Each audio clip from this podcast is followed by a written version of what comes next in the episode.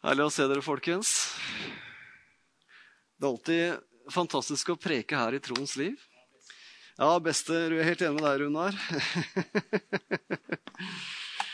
Å, halleluja. Jeg har et herlig tema som jeg skal preke om i dag, og det er vanndåpen. Så tenker dere, ja, men er det så aktuelt, da? Fordi at det har skjedd med meg for mange år siden. Men det er noe i vanndåpen som er viktig at vi får med oss. Eh, vanndåpen er eh, en gave fra himmelens Gud til hver eneste en av oss når vi blir frelst. Og det er ting som skjer i vanndåpen som vi trenger å minne hverandre om. Så om det er mange år siden du har døpt deg i vann, så skal du få en påminnelse om hva som skjer når vi går ned i dåpens grav. Amen. Dette, blir, dette er et fantastisk budskap, eh, som alltid, som jeg pleier å si. Og Gud er god, vet du, fordi det er jo han som gjør det levende for oss. Heldigvis så er det ikke jeg som skal stå her og lire av meg noen eh, læresetninger. Men Den hellige ånd er her med sin salvelse og med sin kraft, som gjør at dette blir levende for hver eneste en av oss.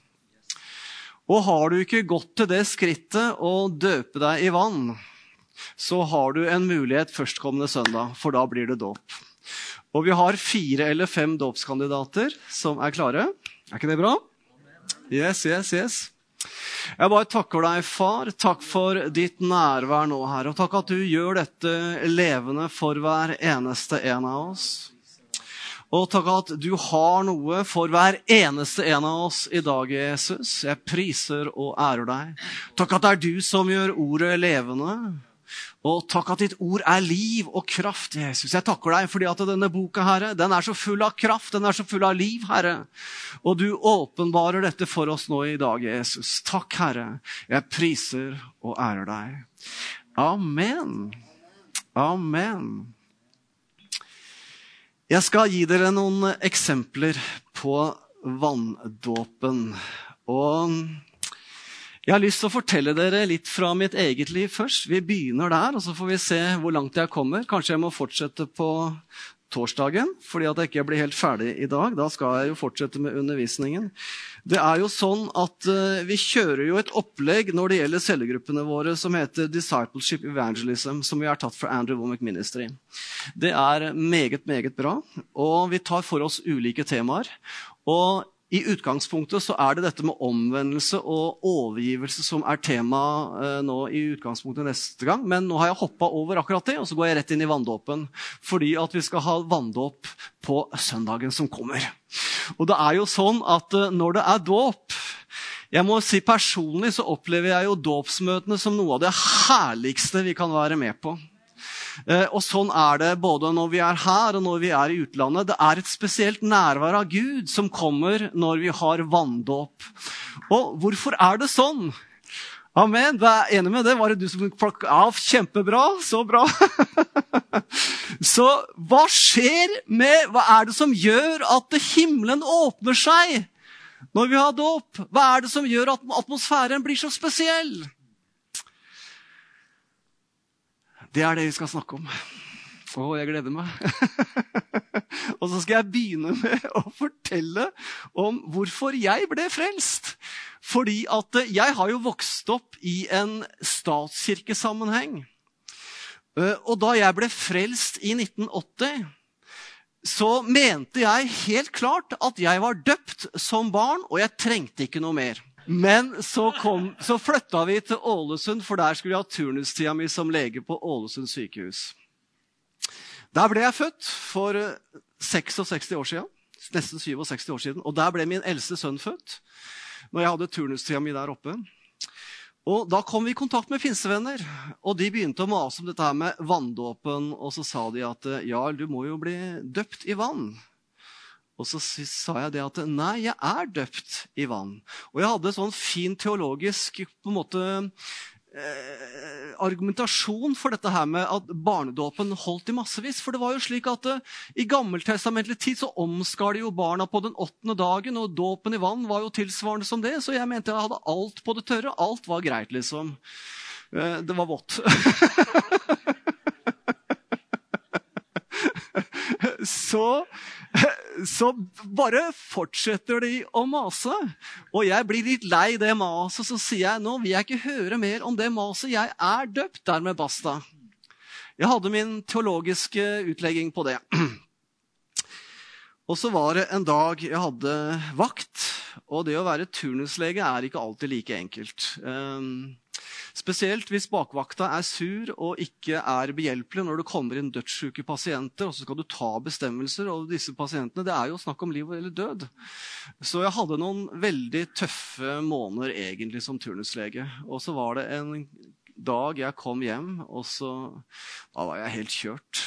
Og så kom jeg inn i leiligheten. Mona var på vakt. Og så jeg så bare begynner jeg å be. Går, går rundt i leiligheten og begynner å be. Og så og så kommer det et sånt voldsomt gudsnærvær som fyller hele leiligheten vår. Og det er så spesielt. Jeg blir så tatt av det. Og så kneler jeg ned i stua, sånn som det. Og så, så får jeg en åpenbaring av Jesus. Jeg ser Jesus. Eh, og så tar jeg rundt Jeg ser ikke hele han, men jeg ser føttene hans. Jeg tar rundt føttene hans. Og så er det et sånt voldsomt nærvær av Gud at jeg ligger der og griner og roper til Jesus at 'Hjelp meg, Herre, nå må du svare meg'. Så jeg var sånn oppløst i tårer, rett og slett. Det var så voldsomt for meg. Og så taler Gud. Det er to ganger i livet mitt jeg har hørt en hørbar stemme hvor Gud har talt. Og dette var den første gangen. Og så sier Herren Jesus, som jeg da ligger og holder rundt føttene på, så sier han, 'Gå og døp deg'. Og du kan tenke deg en som er totalt rusa, eh, men blir edru i et øyeblikk. Det var sånn jeg følte meg. Sånn. På to sekunder så var jeg totalt edru. Og så reiser jeg meg og tenkte jeg, hva var det? Jesus talte og sa jeg skulle gå og døpe meg. Og du vet, Da hjalp det ikke med alle mine teologiske utlegninger. De bare, bare rant rett ned. De bare rant ned i sluk i gulvet, og så var de borte. Og så kommer Mona hjem, og så sier jeg det at jeg, jeg må døpe meg, sier jeg. Hva for noe, sier Mona. Jeg må døpe meg, sa jeg. Og det må jeg se så fort som mulig, sa jeg. Så problemet skjønner du, var det at uh, vi bodde jo på Åsestranda, vet du. Så, og da var det full vinter og is på fjorden. Så så da ringte vi pinsemenigheten i Ålesund og så spurte jeg om kan jeg døpe hos dere. Nei, det var bare hvis du ble medlem. Jeg fikk lov til å døpe meg der. Så, så, det gikk ikke. Så sa jeg til Mona nå hogger jeg hull i isen. Jeg skal under det her vannet. Så. så, eh, men så ringte vi Misjonsforbundet faktisk i Ålesund. Og da ble jeg døpt. Og det var jo sånn at Når først Jesus hadde talt, så kunne det jo ikke skje fort nok. Jeg hogger høl i isen. tenkte Jeg skal bare ned i det vannet uansett hva det koster hva det koste vil. For jeg skulle døpes, og jeg ble døpt. Dette her var i 1985, på vinteren, eh, i januar 1985. Og jeg tenkte som så at når jeg nå hadde opplevd denne voldsomme greia Jesus hadde jo åpenbart seg for meg, talt rett inn i livet mitt. Så jeg tenkte at eh, når jeg delte dette for med søstera mi Bente, som vi har vært som knoll og tott Vi vokste opp, vi, vi var som knoll og tott, og vi, kjempa mot storesøster. Så du kan si at eh, jeg tenkte at når jeg deler dette med søstera mi, så vil hun også gå, gå til det skritt å la seg døpe. Dette var i 1985 i 2018. Da hadde jeg holdt på i 33 år og prata med søstera mi om dåpen. Og, og, hun sa hver gang 'Nei, jeg er barnedøpt'. Ja, 'Men det holder ikke, Bente', sa jeg. 'Jo, ja, det holder', sier Bente. Og så reiser vi til Israel i 2018. Og når vi er i Israel, så besøker vi Eseersamfunnet ved Qumran ved Dødehavet. Eh, og det var slik at Esseerne det var en sånn du kan gjerne kalle det en sånn religiøs sekt som eh, Det var en del av et presteskap, eh, men de hadde ikke sans for fariseerne. De mente at de var rett og slett forverdslige. Så de hadde stiftet et sånt nærmest sånt munkesamfunn ved Kumran ved Dødehavet. Og det, der, det, var jo disse som skrev disse her dødehav, dødehavsrullene som, vi, som, senere ble funnet, og som bekreftet kan du si, gehalten i hele Det gamle testamentet. De hadde dåpskummer. De hadde renselsesbad. Og det gjorde de visstnok to ganger om dagen. De gikk ned om morgenen, og så hadde de et renselsesbad, og så tok de det på kvelden også, fordi at de skulle være rene. De skulle være helt rene, de skulle være flekkfrie. Og dette er noe som går tilbake til gammeltestamentlig tid. Dette med renselsesbad. Og når jeg var der ved Dødehavet, så var det som om Gud bare åpenbarte en del ting for meg. Jeg så dette med sammenhengen mellom renselsesbadene i Det gamle testamentet og Johannesdåpen, som jeg ikke hadde skjønt noe av tidligere og videre inn i den kristne dåpen. Og jeg, jeg, ble så ivrig. så tenkte jeg, så, Og så var det en morgen, da hadde vi reist til gamlebyen. Da bodde vi på hotell i gamlebyen i Jerusalem. Og så gikk jeg og ba om morgenen og så tenkte jeg, nå må jeg dele denne åpenbaringen med søstera mi. For var, det, var, det, ble så sterkt for meg når jeg så denne Det var som en rød linje fra Gammeltestamentet med renselsesbaden i Gammeltestamentet inn i Johannesdåpen og den kristne dåpen. Jeg hadde aldri sett det før. Jeg hadde, aldri, måte, jeg hadde gått mange år og lurt på hva var det egentlig innholdet i Johannesdåpen. Og hvorfor gjorde de det på den måten? Og Det står veldig mye rart i bibelkommentarer. Du må ikke tro alt du leser i bibelkommentarer, for der står det mye rart. Så, så om morgenen så ber jeg, og så kjenner jeg nå skal jeg dele det med søstera mi. tenkte jeg. Det var bare sånn, du vet at Når du har fått en åpenbaring, så er det bare sånn det, det, det, bare jobber inni deg. ikke sant? Du bare må dele det. Du, du bare kjenner at nå, nå, dette her er så voldsomt at dette må du bare dele. Og Så hadde de andre gått ned til frokosten, og jeg kom litt etterpå. for jeg, Det var så vidunderlig å be. Og så tenkte jeg å Gud, nå, nå må du sende søstera mi. Eh, hvis ikke hun har spist frokost. Og da satt jeg aleine i matsalen på hotellet der. Og så kommer søstera mi. Og så begynner jeg å forklare henne sammenhengen med renselsesbadene i Det gamle testamentet og videre inn i Johannesdåpen og den kristne dåpen. Og så begynner jeg å fortelle hva som skjedde når Jesus ble døpt av døperen Johannes. Og så tenkte jeg, hva sier han nå? Og så sier søstera mi, å, er det sånn det er? Ja, men da vil jeg gjerne døpe meg, sier hun. og så tenkte jeg, var det så enkelt? Var det så enkelt? Og da reiste vi til Natanya på kvelden, og dagen etter så døpte jeg søstera mi i Middelhavet. Halleluja! Det var herlig, altså. Så er det slik Det er noe med vanndåpen, skjønner dere, som gjør at folk reagerer. Og du kan preke evangeliet til muslimer og også til hinduer. Men den dagen du går ned i dåpens grav, da bryter rabalderet løs. Da er du fritt vilt, du kan drepes, du blir utstøtt fra din familie. Du mister hus, du mister hjem. Altså, Du blir som en ingenperson, rett og slett. Det er et voldsomt skritt å ta å ta imot Jesus. Men når du da på en måte går til det skritt at du lar deg døpe, da er det nesten enkelte ganger som helvete kan være løs. Og hvorfor er det sånn? Hvorfor er dette på en måte Det er det som på en måte er skillelinje når du er i en muslimsk setting. Det er det øyeblikk du velger å la deg døpe. Da bryter forfølgelsen løs. Så det må jo være noe her som på en måte er så provoserende for djevelen og hans hærskarer at dette må jo være innmari viktig. Ikke sant? Og jeg tenker på historien. du vet at Når baptistene på en måte så dette med dåpen, så ble jo de forfulgt. Og vet du hvordan de drepte dem? De drukna dem. Skulle sannelig døpes, ja.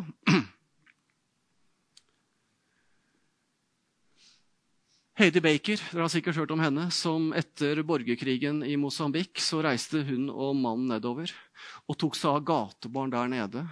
Dere vet at det, I borgerkrigen så døde det ca. 1 million mennesker. Den sluttet i 1962, tror jeg det var, og så kom de nedover i 75, eller når det var. Og De begynte å ta seg av disse gatebarna. Mange var lemlesta, hadde mistet både armer og bein av landminer. Andre hadde blitt voldtatt, mishandlet, og disse kom inn, og disse tok de seg av. Og forkynte evangeliet for dem. Og når de ble døpt, disse gatebarna, da ble det utfrielse fra demoner. Det var så mektige ting som skjedde.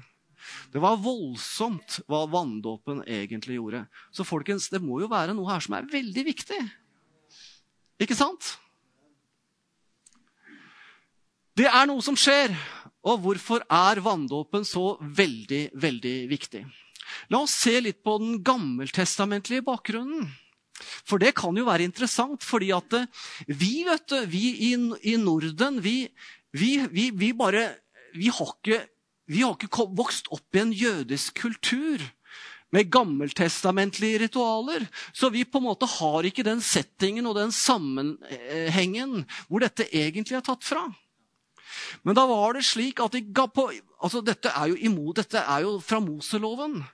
At hvis du hadde utflod, altså åpne sår eller andre ting som gjorde at det kom væske fra kroppen din, så ble du ansett som uren. Og hvis du kom i nærheten av noen andre, så ble de også ansett som urene. Og hvis du satte deg på noe, så ble det også urent. Og hva måtte den gjøre? Han måtte bade seg i vann. Og de som hadde kommet i nærheten av den urene, måtte også bade seg i vann. Og da var det ikke bare å vaske seg, men det var full neddykkelse. Det var en renselse, så de kalte det bare renselsen. Altså, Dere vet jo det at eh, blir jeg skitten på hendene, hva er det jeg gjør da? Da vasker jeg meg. Få vekk skitten. Vann renser. Det er jo sånn det er, ikke sant? Men så ble altså vannets rensende kraft også et bilde på en åndelig renselse. Et symbol på en åndelig renselse. For du vet at eh, når de opplevde at de hadde syndet og du vet at Ypperstepresten han skulle gå inn og tjene, så måtte han gå gjennom renselsen. Altså Han måtte bade, bli helt ren. Og skulle du innvie deg for Herren, så måtte du ha et renselsesbad først. Du skulle være ren. Så dette var ikke bare en ytre fysisk ting, men det hadde en åndelig setting. En åndelig sammenheng. Men det er jo helt klart at uh, vann kan jo ikke rense deg åndelig. Hallo!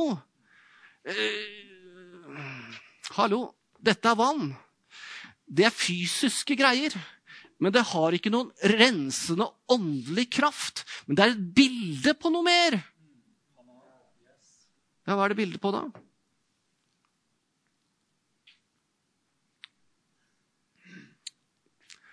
Hvem er det som kan rense fra åndelig urenhet? Det er bare Gud. Bare Gud som kan rense oss. Altså, Og da var det slik at uh, dette her renselsesbadet det kalte de mikva. Jeg vet ikke helt hvordan det uttales på hebraisk. Mikve eller mikva. Altså en ansamling av vann. Så står det noe veldig spennende i Jeremias. Det står Herre, du Israels håp. Alle de som forlater deg, skal bli til skamme. De som, bort, de som går bort fra meg, skal bli skrevet i støvet, for de har forlatt Herren, kilden med det levende vann, står det i Jeremias 17, 13. Men det ordet som er brukt på hebraisk, er 'Herre, du Israels mikva'. Altså 'Herre, du som er ansamlingene av vann', du som er det levende vann. Skjønner dere? Og det er jo det Jesus sier når han står der ikke sant, i tempelet. For den som tror på meg, fra hans indre skal det, som Skriften har sagt, det strømmer av levende vann. Dere vet det er Herren som er det levende vann. Så vannet det er bildet på at det er noe som strømmer fra Gud selv, som er det levende vann. Det er Gud som renser. Det er Herren som renser. Amen. Så dette er jo bare en symbolikk. Så hvem er det som renser for, fra åndelig urenhet? Det er ikke dette fysiske vannet. Det er et bilde på Herren Israels Gud som renser. Amen. Og så står det noe spennende i hebreerbrevet, for der står det nemlig at alle disse rituelle skikkene Det står i Hebreerne kapittel 10 og vers 1. For loven som bare har en skygge av de kommende goder, og ikke selve tingenes egen, egentlige skikkelse, kan aldri med disse samme ofrene som de stadig ofrer år etter år, gjøre dem fullkomne som bærer dem fram. Altså, Loven er en skygge.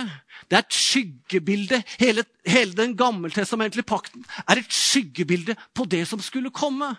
For det som skulle komme, det var Jesus Kristus. Han er realiteten, han er virkelighetene av alt dette her sånn. Slik at dåpen som den renselsen som var altså Jeg kunne jo ikke helle det over der under for å demonstrere, men, men dåpen i vann det var et bilde på noe som skulle komme. En annen renselse som var en reell, ikke bare en symbolsk renselse, men som var virkeligheten og ikke bare et skyggebilde. Ser dere det? Så kommer døperen Johannes, som er forløperen for Jesus.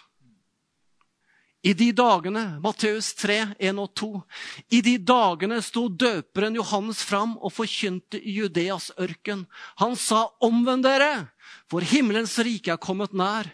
Og de ble døpt av ham i Jordan mens de bekjente sine synder. Hvordan dåp var dette? Det var en fortsettelse av de gammeltestamentlige renselsesbadene. Ja, er du sikker på det, Jarl? Står i Johannes kapittel 3, 23.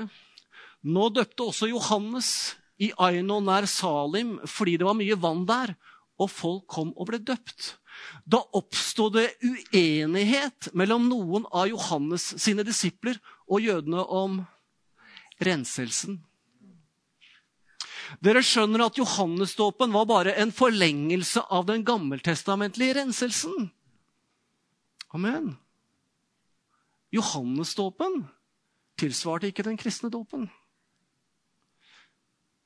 De som gikk ned og lot seg, de, de som lot seg døpe av døperen Johannes, det var mennesker som ville omvende seg fra det livet som de hadde levd. Men dere skjønner, det var ikke noe kraft i Johannesdåpen. Men det var en, kan du si, en, på en måte en, en, menneskelig bestemmelse om at de skulle på en måte leve et annerledes liv. Det er som når du tar et nyttårsløfte. For det var ikke noe kraft i Johannesdåpen til å leve et annerledes liv. Og det er dette som Paulus fikk se. Det står i Apostlenes gjerninger, kapittel 19, og vers 2-6. Da kommer Paulus til Efesus, og så treffer han noen disipler.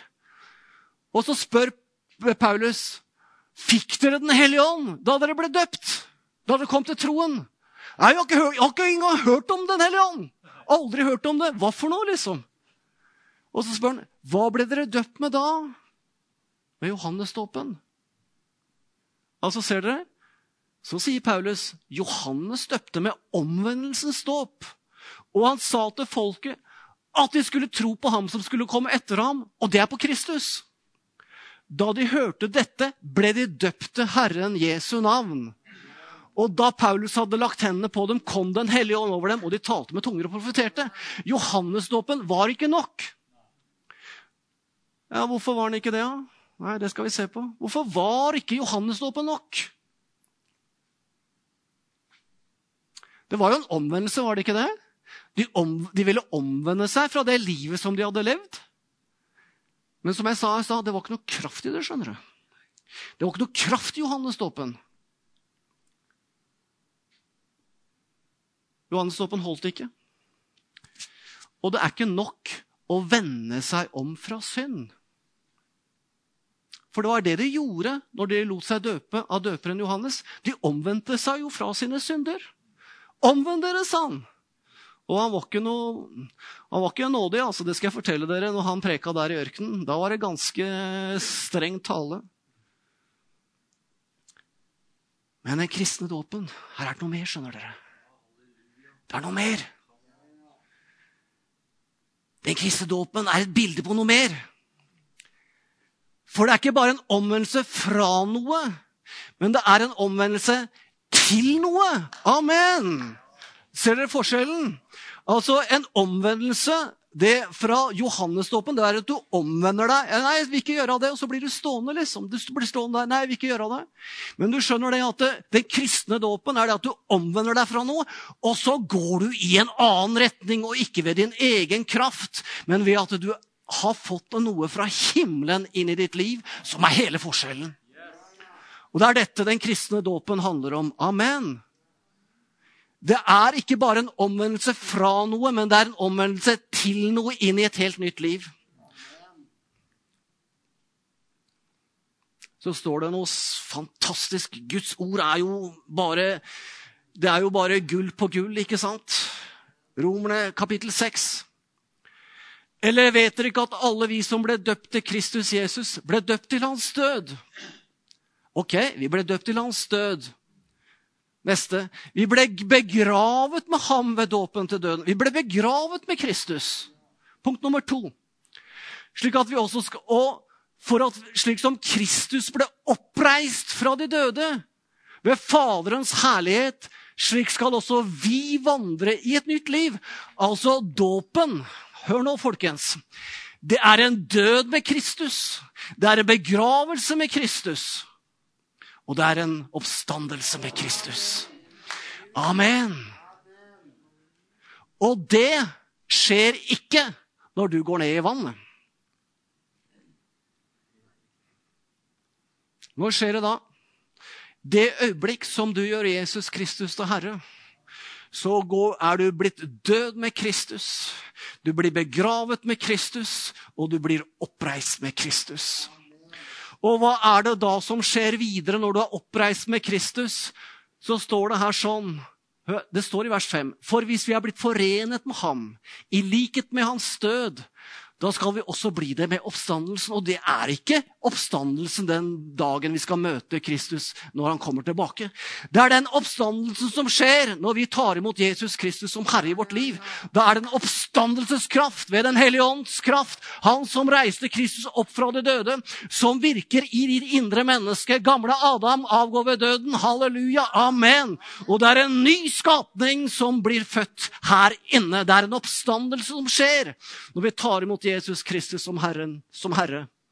Og så står det i vers 6.: For vi vet dette, at vårt gamle menneske ble korsfestet med ham. Gamle Adam ble korsfesta med ham, ikke sant? For at syndekroppen skulle bli fratatt sin makt, så vi ikke lenger skal være slaver under synden. Amen. Skjønner vi det? Altså, det som skjer i frelsen, er at jeg, blir, jeg, dør med Kristus. Jeg begraves med Kristus. Jeg blir oppreist med Kristus. Hvordan da? Slik at synden ikke lenger skal ha noe makt over meg. Amen. Det er det som skjer når jeg blir født på ny og tar imot Jesus Kristus som Herre. Vet du hva? Hva er da dåpen? For dette skjer når jeg tar imot Jesus Kristus som Herre. Da skjer disse tingene. fordi Det er forskjellige typer for dåp. fordi at Ordet dåp betyr egentlig bare å bli puttet inn i noe. Å bli nedsenket i noe.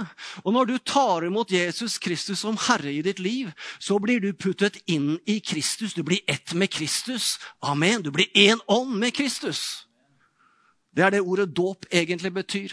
Og når du da går ned i dåpens grav, når du døper deg i vann, da har du allerede tatt imot Jesus Kristus som Herre i ditt liv.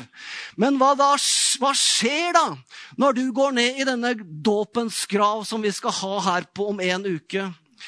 Det er en proklamasjon, skjønner dere. Det er en proklamasjon for makter og myndigheter at du har fått en ny identitet. Det er ikke lenger gamle Adam som regjerer i livet ditt. Du er en ny skapning i Jesus Kristus. Halleluja. Altså, vet du hva du gjør når du går ned i den der vanngrava? Du proklamerer for makter og myndigheter, for de menneskene som du lever sammen med, i det samfunnet du lever sammen med. Jeg har fått en ny identitet. Gamle Adam er dau. Som Stian sa når han ble døpt. Jeg tror jeg dauer. Han daua, vet du. Han daua den gangen han tok imot Jesus Kristus. Det var så kaldt vann at han ropte 'Å, jeg tror jeg dauer', sa han. Men altså, det du gjør skjønner du, når du går ned i den der vanngrava, er det at du proklamerer for makter og myndigheter. Jeg har fått en ny identitet. Jeg har blitt ett med Kristus. Jeg er begravet med Kristus. Jeg er oppreist med Kristus. Synden har ikke lenger noen makt over meg. Amen. Det er proklamasjonen, det er deklarasjonen, eller hva du enn skal kalle den når du går ned i denne dåpens grav.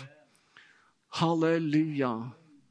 Og nå, vet du, nå er det ikke lenger bare et skyggebilde. Nå er det ikke lenger bare en symbolikk fra Det gamle testamentet. Nå er det åndelige realiteter som har skjedd. For jeg er rensa ved vannbadet i ordet. Jeg er rensa ved hans blod. Og du vet at eh, når du har tatt imot Jesus Kristus som Herre, så må vi bare forstå vi er en ny skapning i Jesus Kristus. Gamle Adam er dau. Vi har fått en ny natur. Syndenaturen er borte. Jeg har fått Jesu Kristi oppstandelsesnatur på innsiden. Og det er fordi at jeg har fått hans oppstandelseskraft på innsiden, at jeg kan leve i seier over synd. Halleluja! Nå er det blitt realiteter. Dere vet, Hele Det gamle testamentet er bare et skyggebilde på det som skulle komme. Og han som skulle komme, Jesus Kristus. Det er ingen frelse i vanndåpen. Hvordan blir du frelst? Du bekjenner Herren Jesus med din munn og tror i ditt hjerte at Gud oppreiste ham fra de døde. Romerne 10. Det er ingen tilgivelse i vanndåpen. Om ham vitner alle, altså om Jesus Kristus vitner alle profetene, at hver den som tror på ham, skal få syndene tilgivelse ved hans navn. Amen. Amen. Hør nå. Hvorfor lar vi oss døpe? Når du tar imot Jesus Kristus, og du får en levende tro på innsiden, så virker den levende troen gjerninger. Levende tro følges alltid av gjerninger. Levende tro, den gjør noe her inne, så du forandrer din livsførsel. Og vet du hva dåpen da er? Den er et uttrykk for en levende tro. Dåpen i vann er et uttrykk hvor du uttrykker for makter og myndigheter den realiteten som allerede har skjedd på innsiden av deg. Og du vet at troen må få i seg utslag i en handling. Da er det Vet du hva? Hør nå. Se her. Hva skjer i dåpen? Hva er det du gjør i dåpen? For du gjør noe, nemlig. Du handler på din tro. Og dåpen er sånn sett et symbolsk bilde på hva som allerede har skjedd da du tok imot Jesus Kristus som Herre. Hvor du ble født på ny. Og dåpen Det er ikke noe frelse i dåpen. Det er troen som frelser oss. Men den er et bilde på at vårt gamle menneske, syndenaturen, er død, at vi er oppreist med Kristus. Og det er heller ingen renselse når det gjelder i den forstand på en måte at det er en ny renselse, men det er et bilde på den fullkomne renselsen som skjedde da du tok imot Jesus Kristus som Herre. Amen!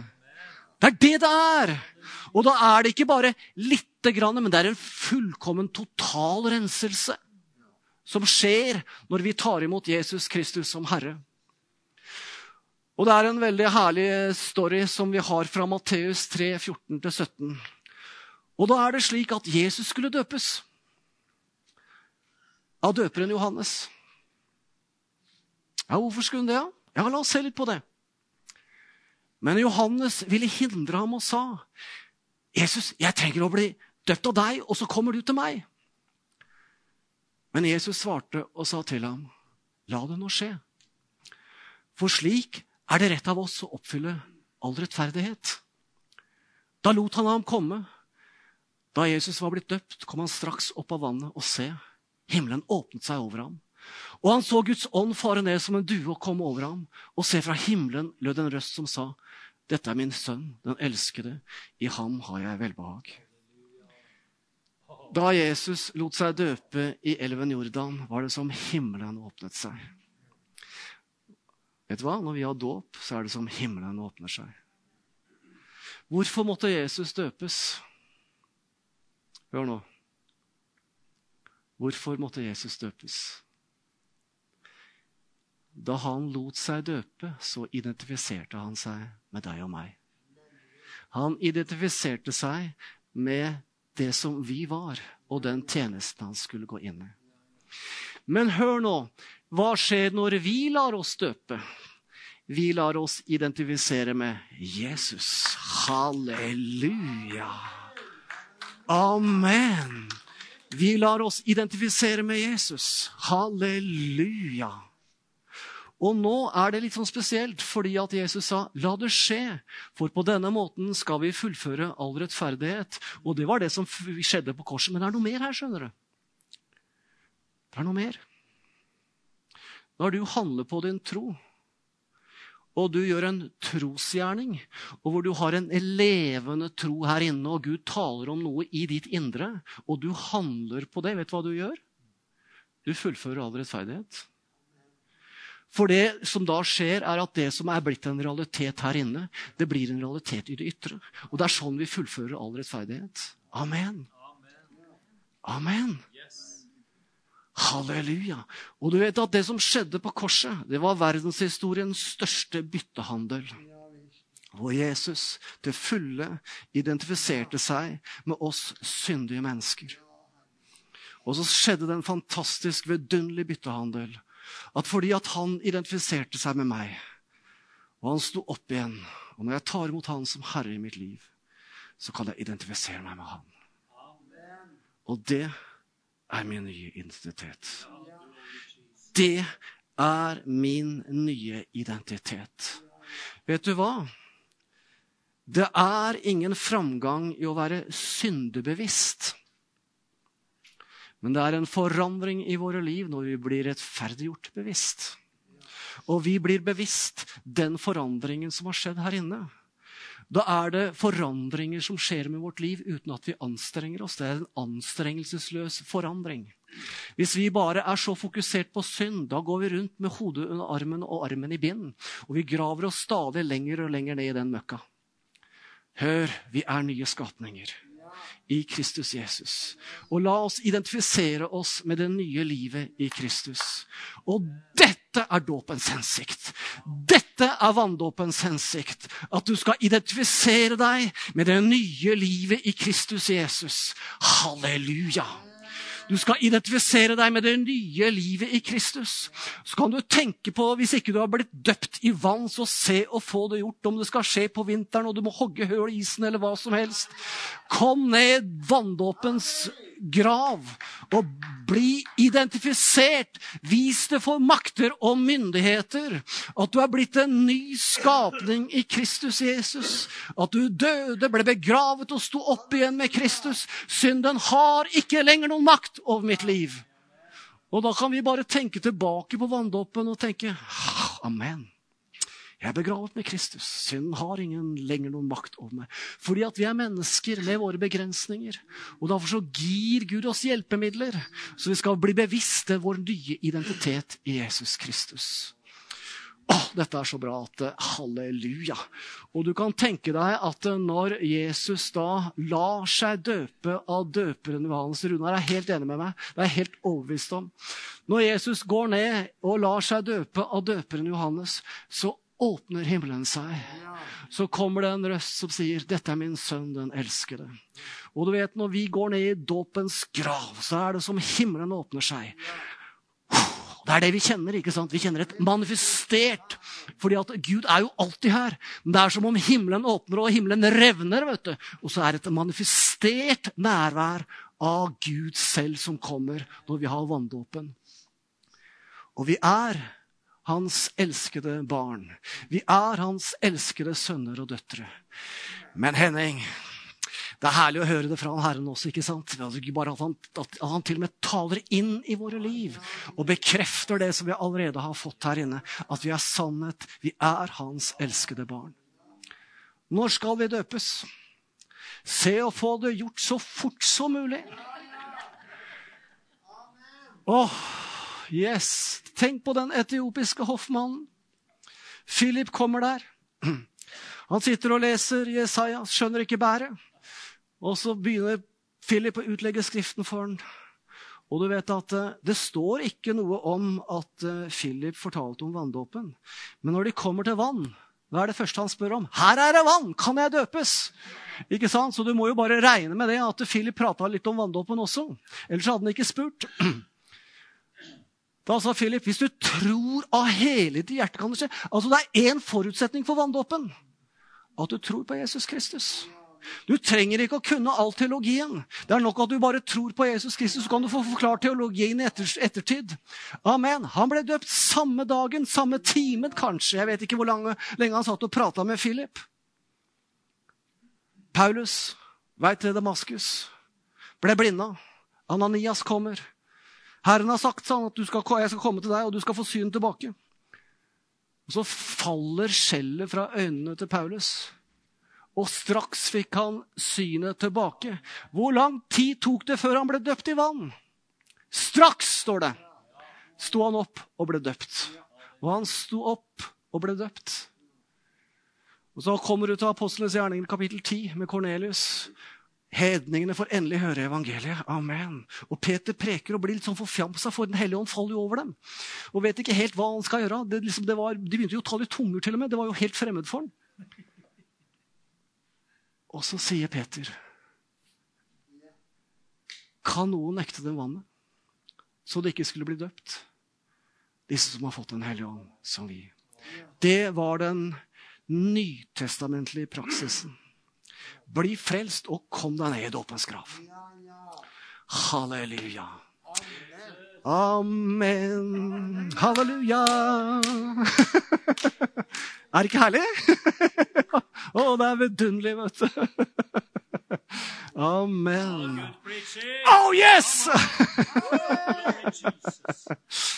Så er du ikke døpt, så har du en fantastisk mulighet til å ta det på søndagen som kommer. Amen. Og så er det sånn at nå har jeg bare toucha litt på toppen, og jeg har masse mer om dåpen. Så jeg tror jeg må ta Jeg får se om det blir mer dåp, om dåpen på torsdagsundervisningen, eller om jeg hopper over på neste tema. For her er det mye gull. Kan vi reise oss? Mm. For dette her var aldeles nydelig. Altså. Halleluja. Og jeg sier Eh, Jan snakka om at han kunne tenke seg å hogge hull i isen. Jeg hadde uka før jul ute i fjorden. Og, eh, eh, og jeg sa til de som ville bli døpt, for det var mange som ble døpt den tida Og, og jeg husker Roger Samuelsen. han sa det han sto og preka, det var sånn midt på vinteren, så sa han jeg skal gå med deg ned i elva og døpe deg her nå med en gang. sånn. Ja, men, ja, det er så kaldt, sier du. Ingen døde som bryr seg om hvor kaldt det er. Sånn er det. Og det er som du preka i, i kveld, så er det så herlig, altså. Fordi at det, det, er en stadfestelse på det som har skjedd skjedd når du og jeg ble født på ny. For det var nemlig to ting som skjedde når vi ble født på ny. Det var det at den gamle Adam avgikk ved døden, Amen. og han måtte være begravet. Sånn var det. Og det er om å gjøre å få den i grava jo før jo heller, før det begynner å lukte lik. Sånn er det bare.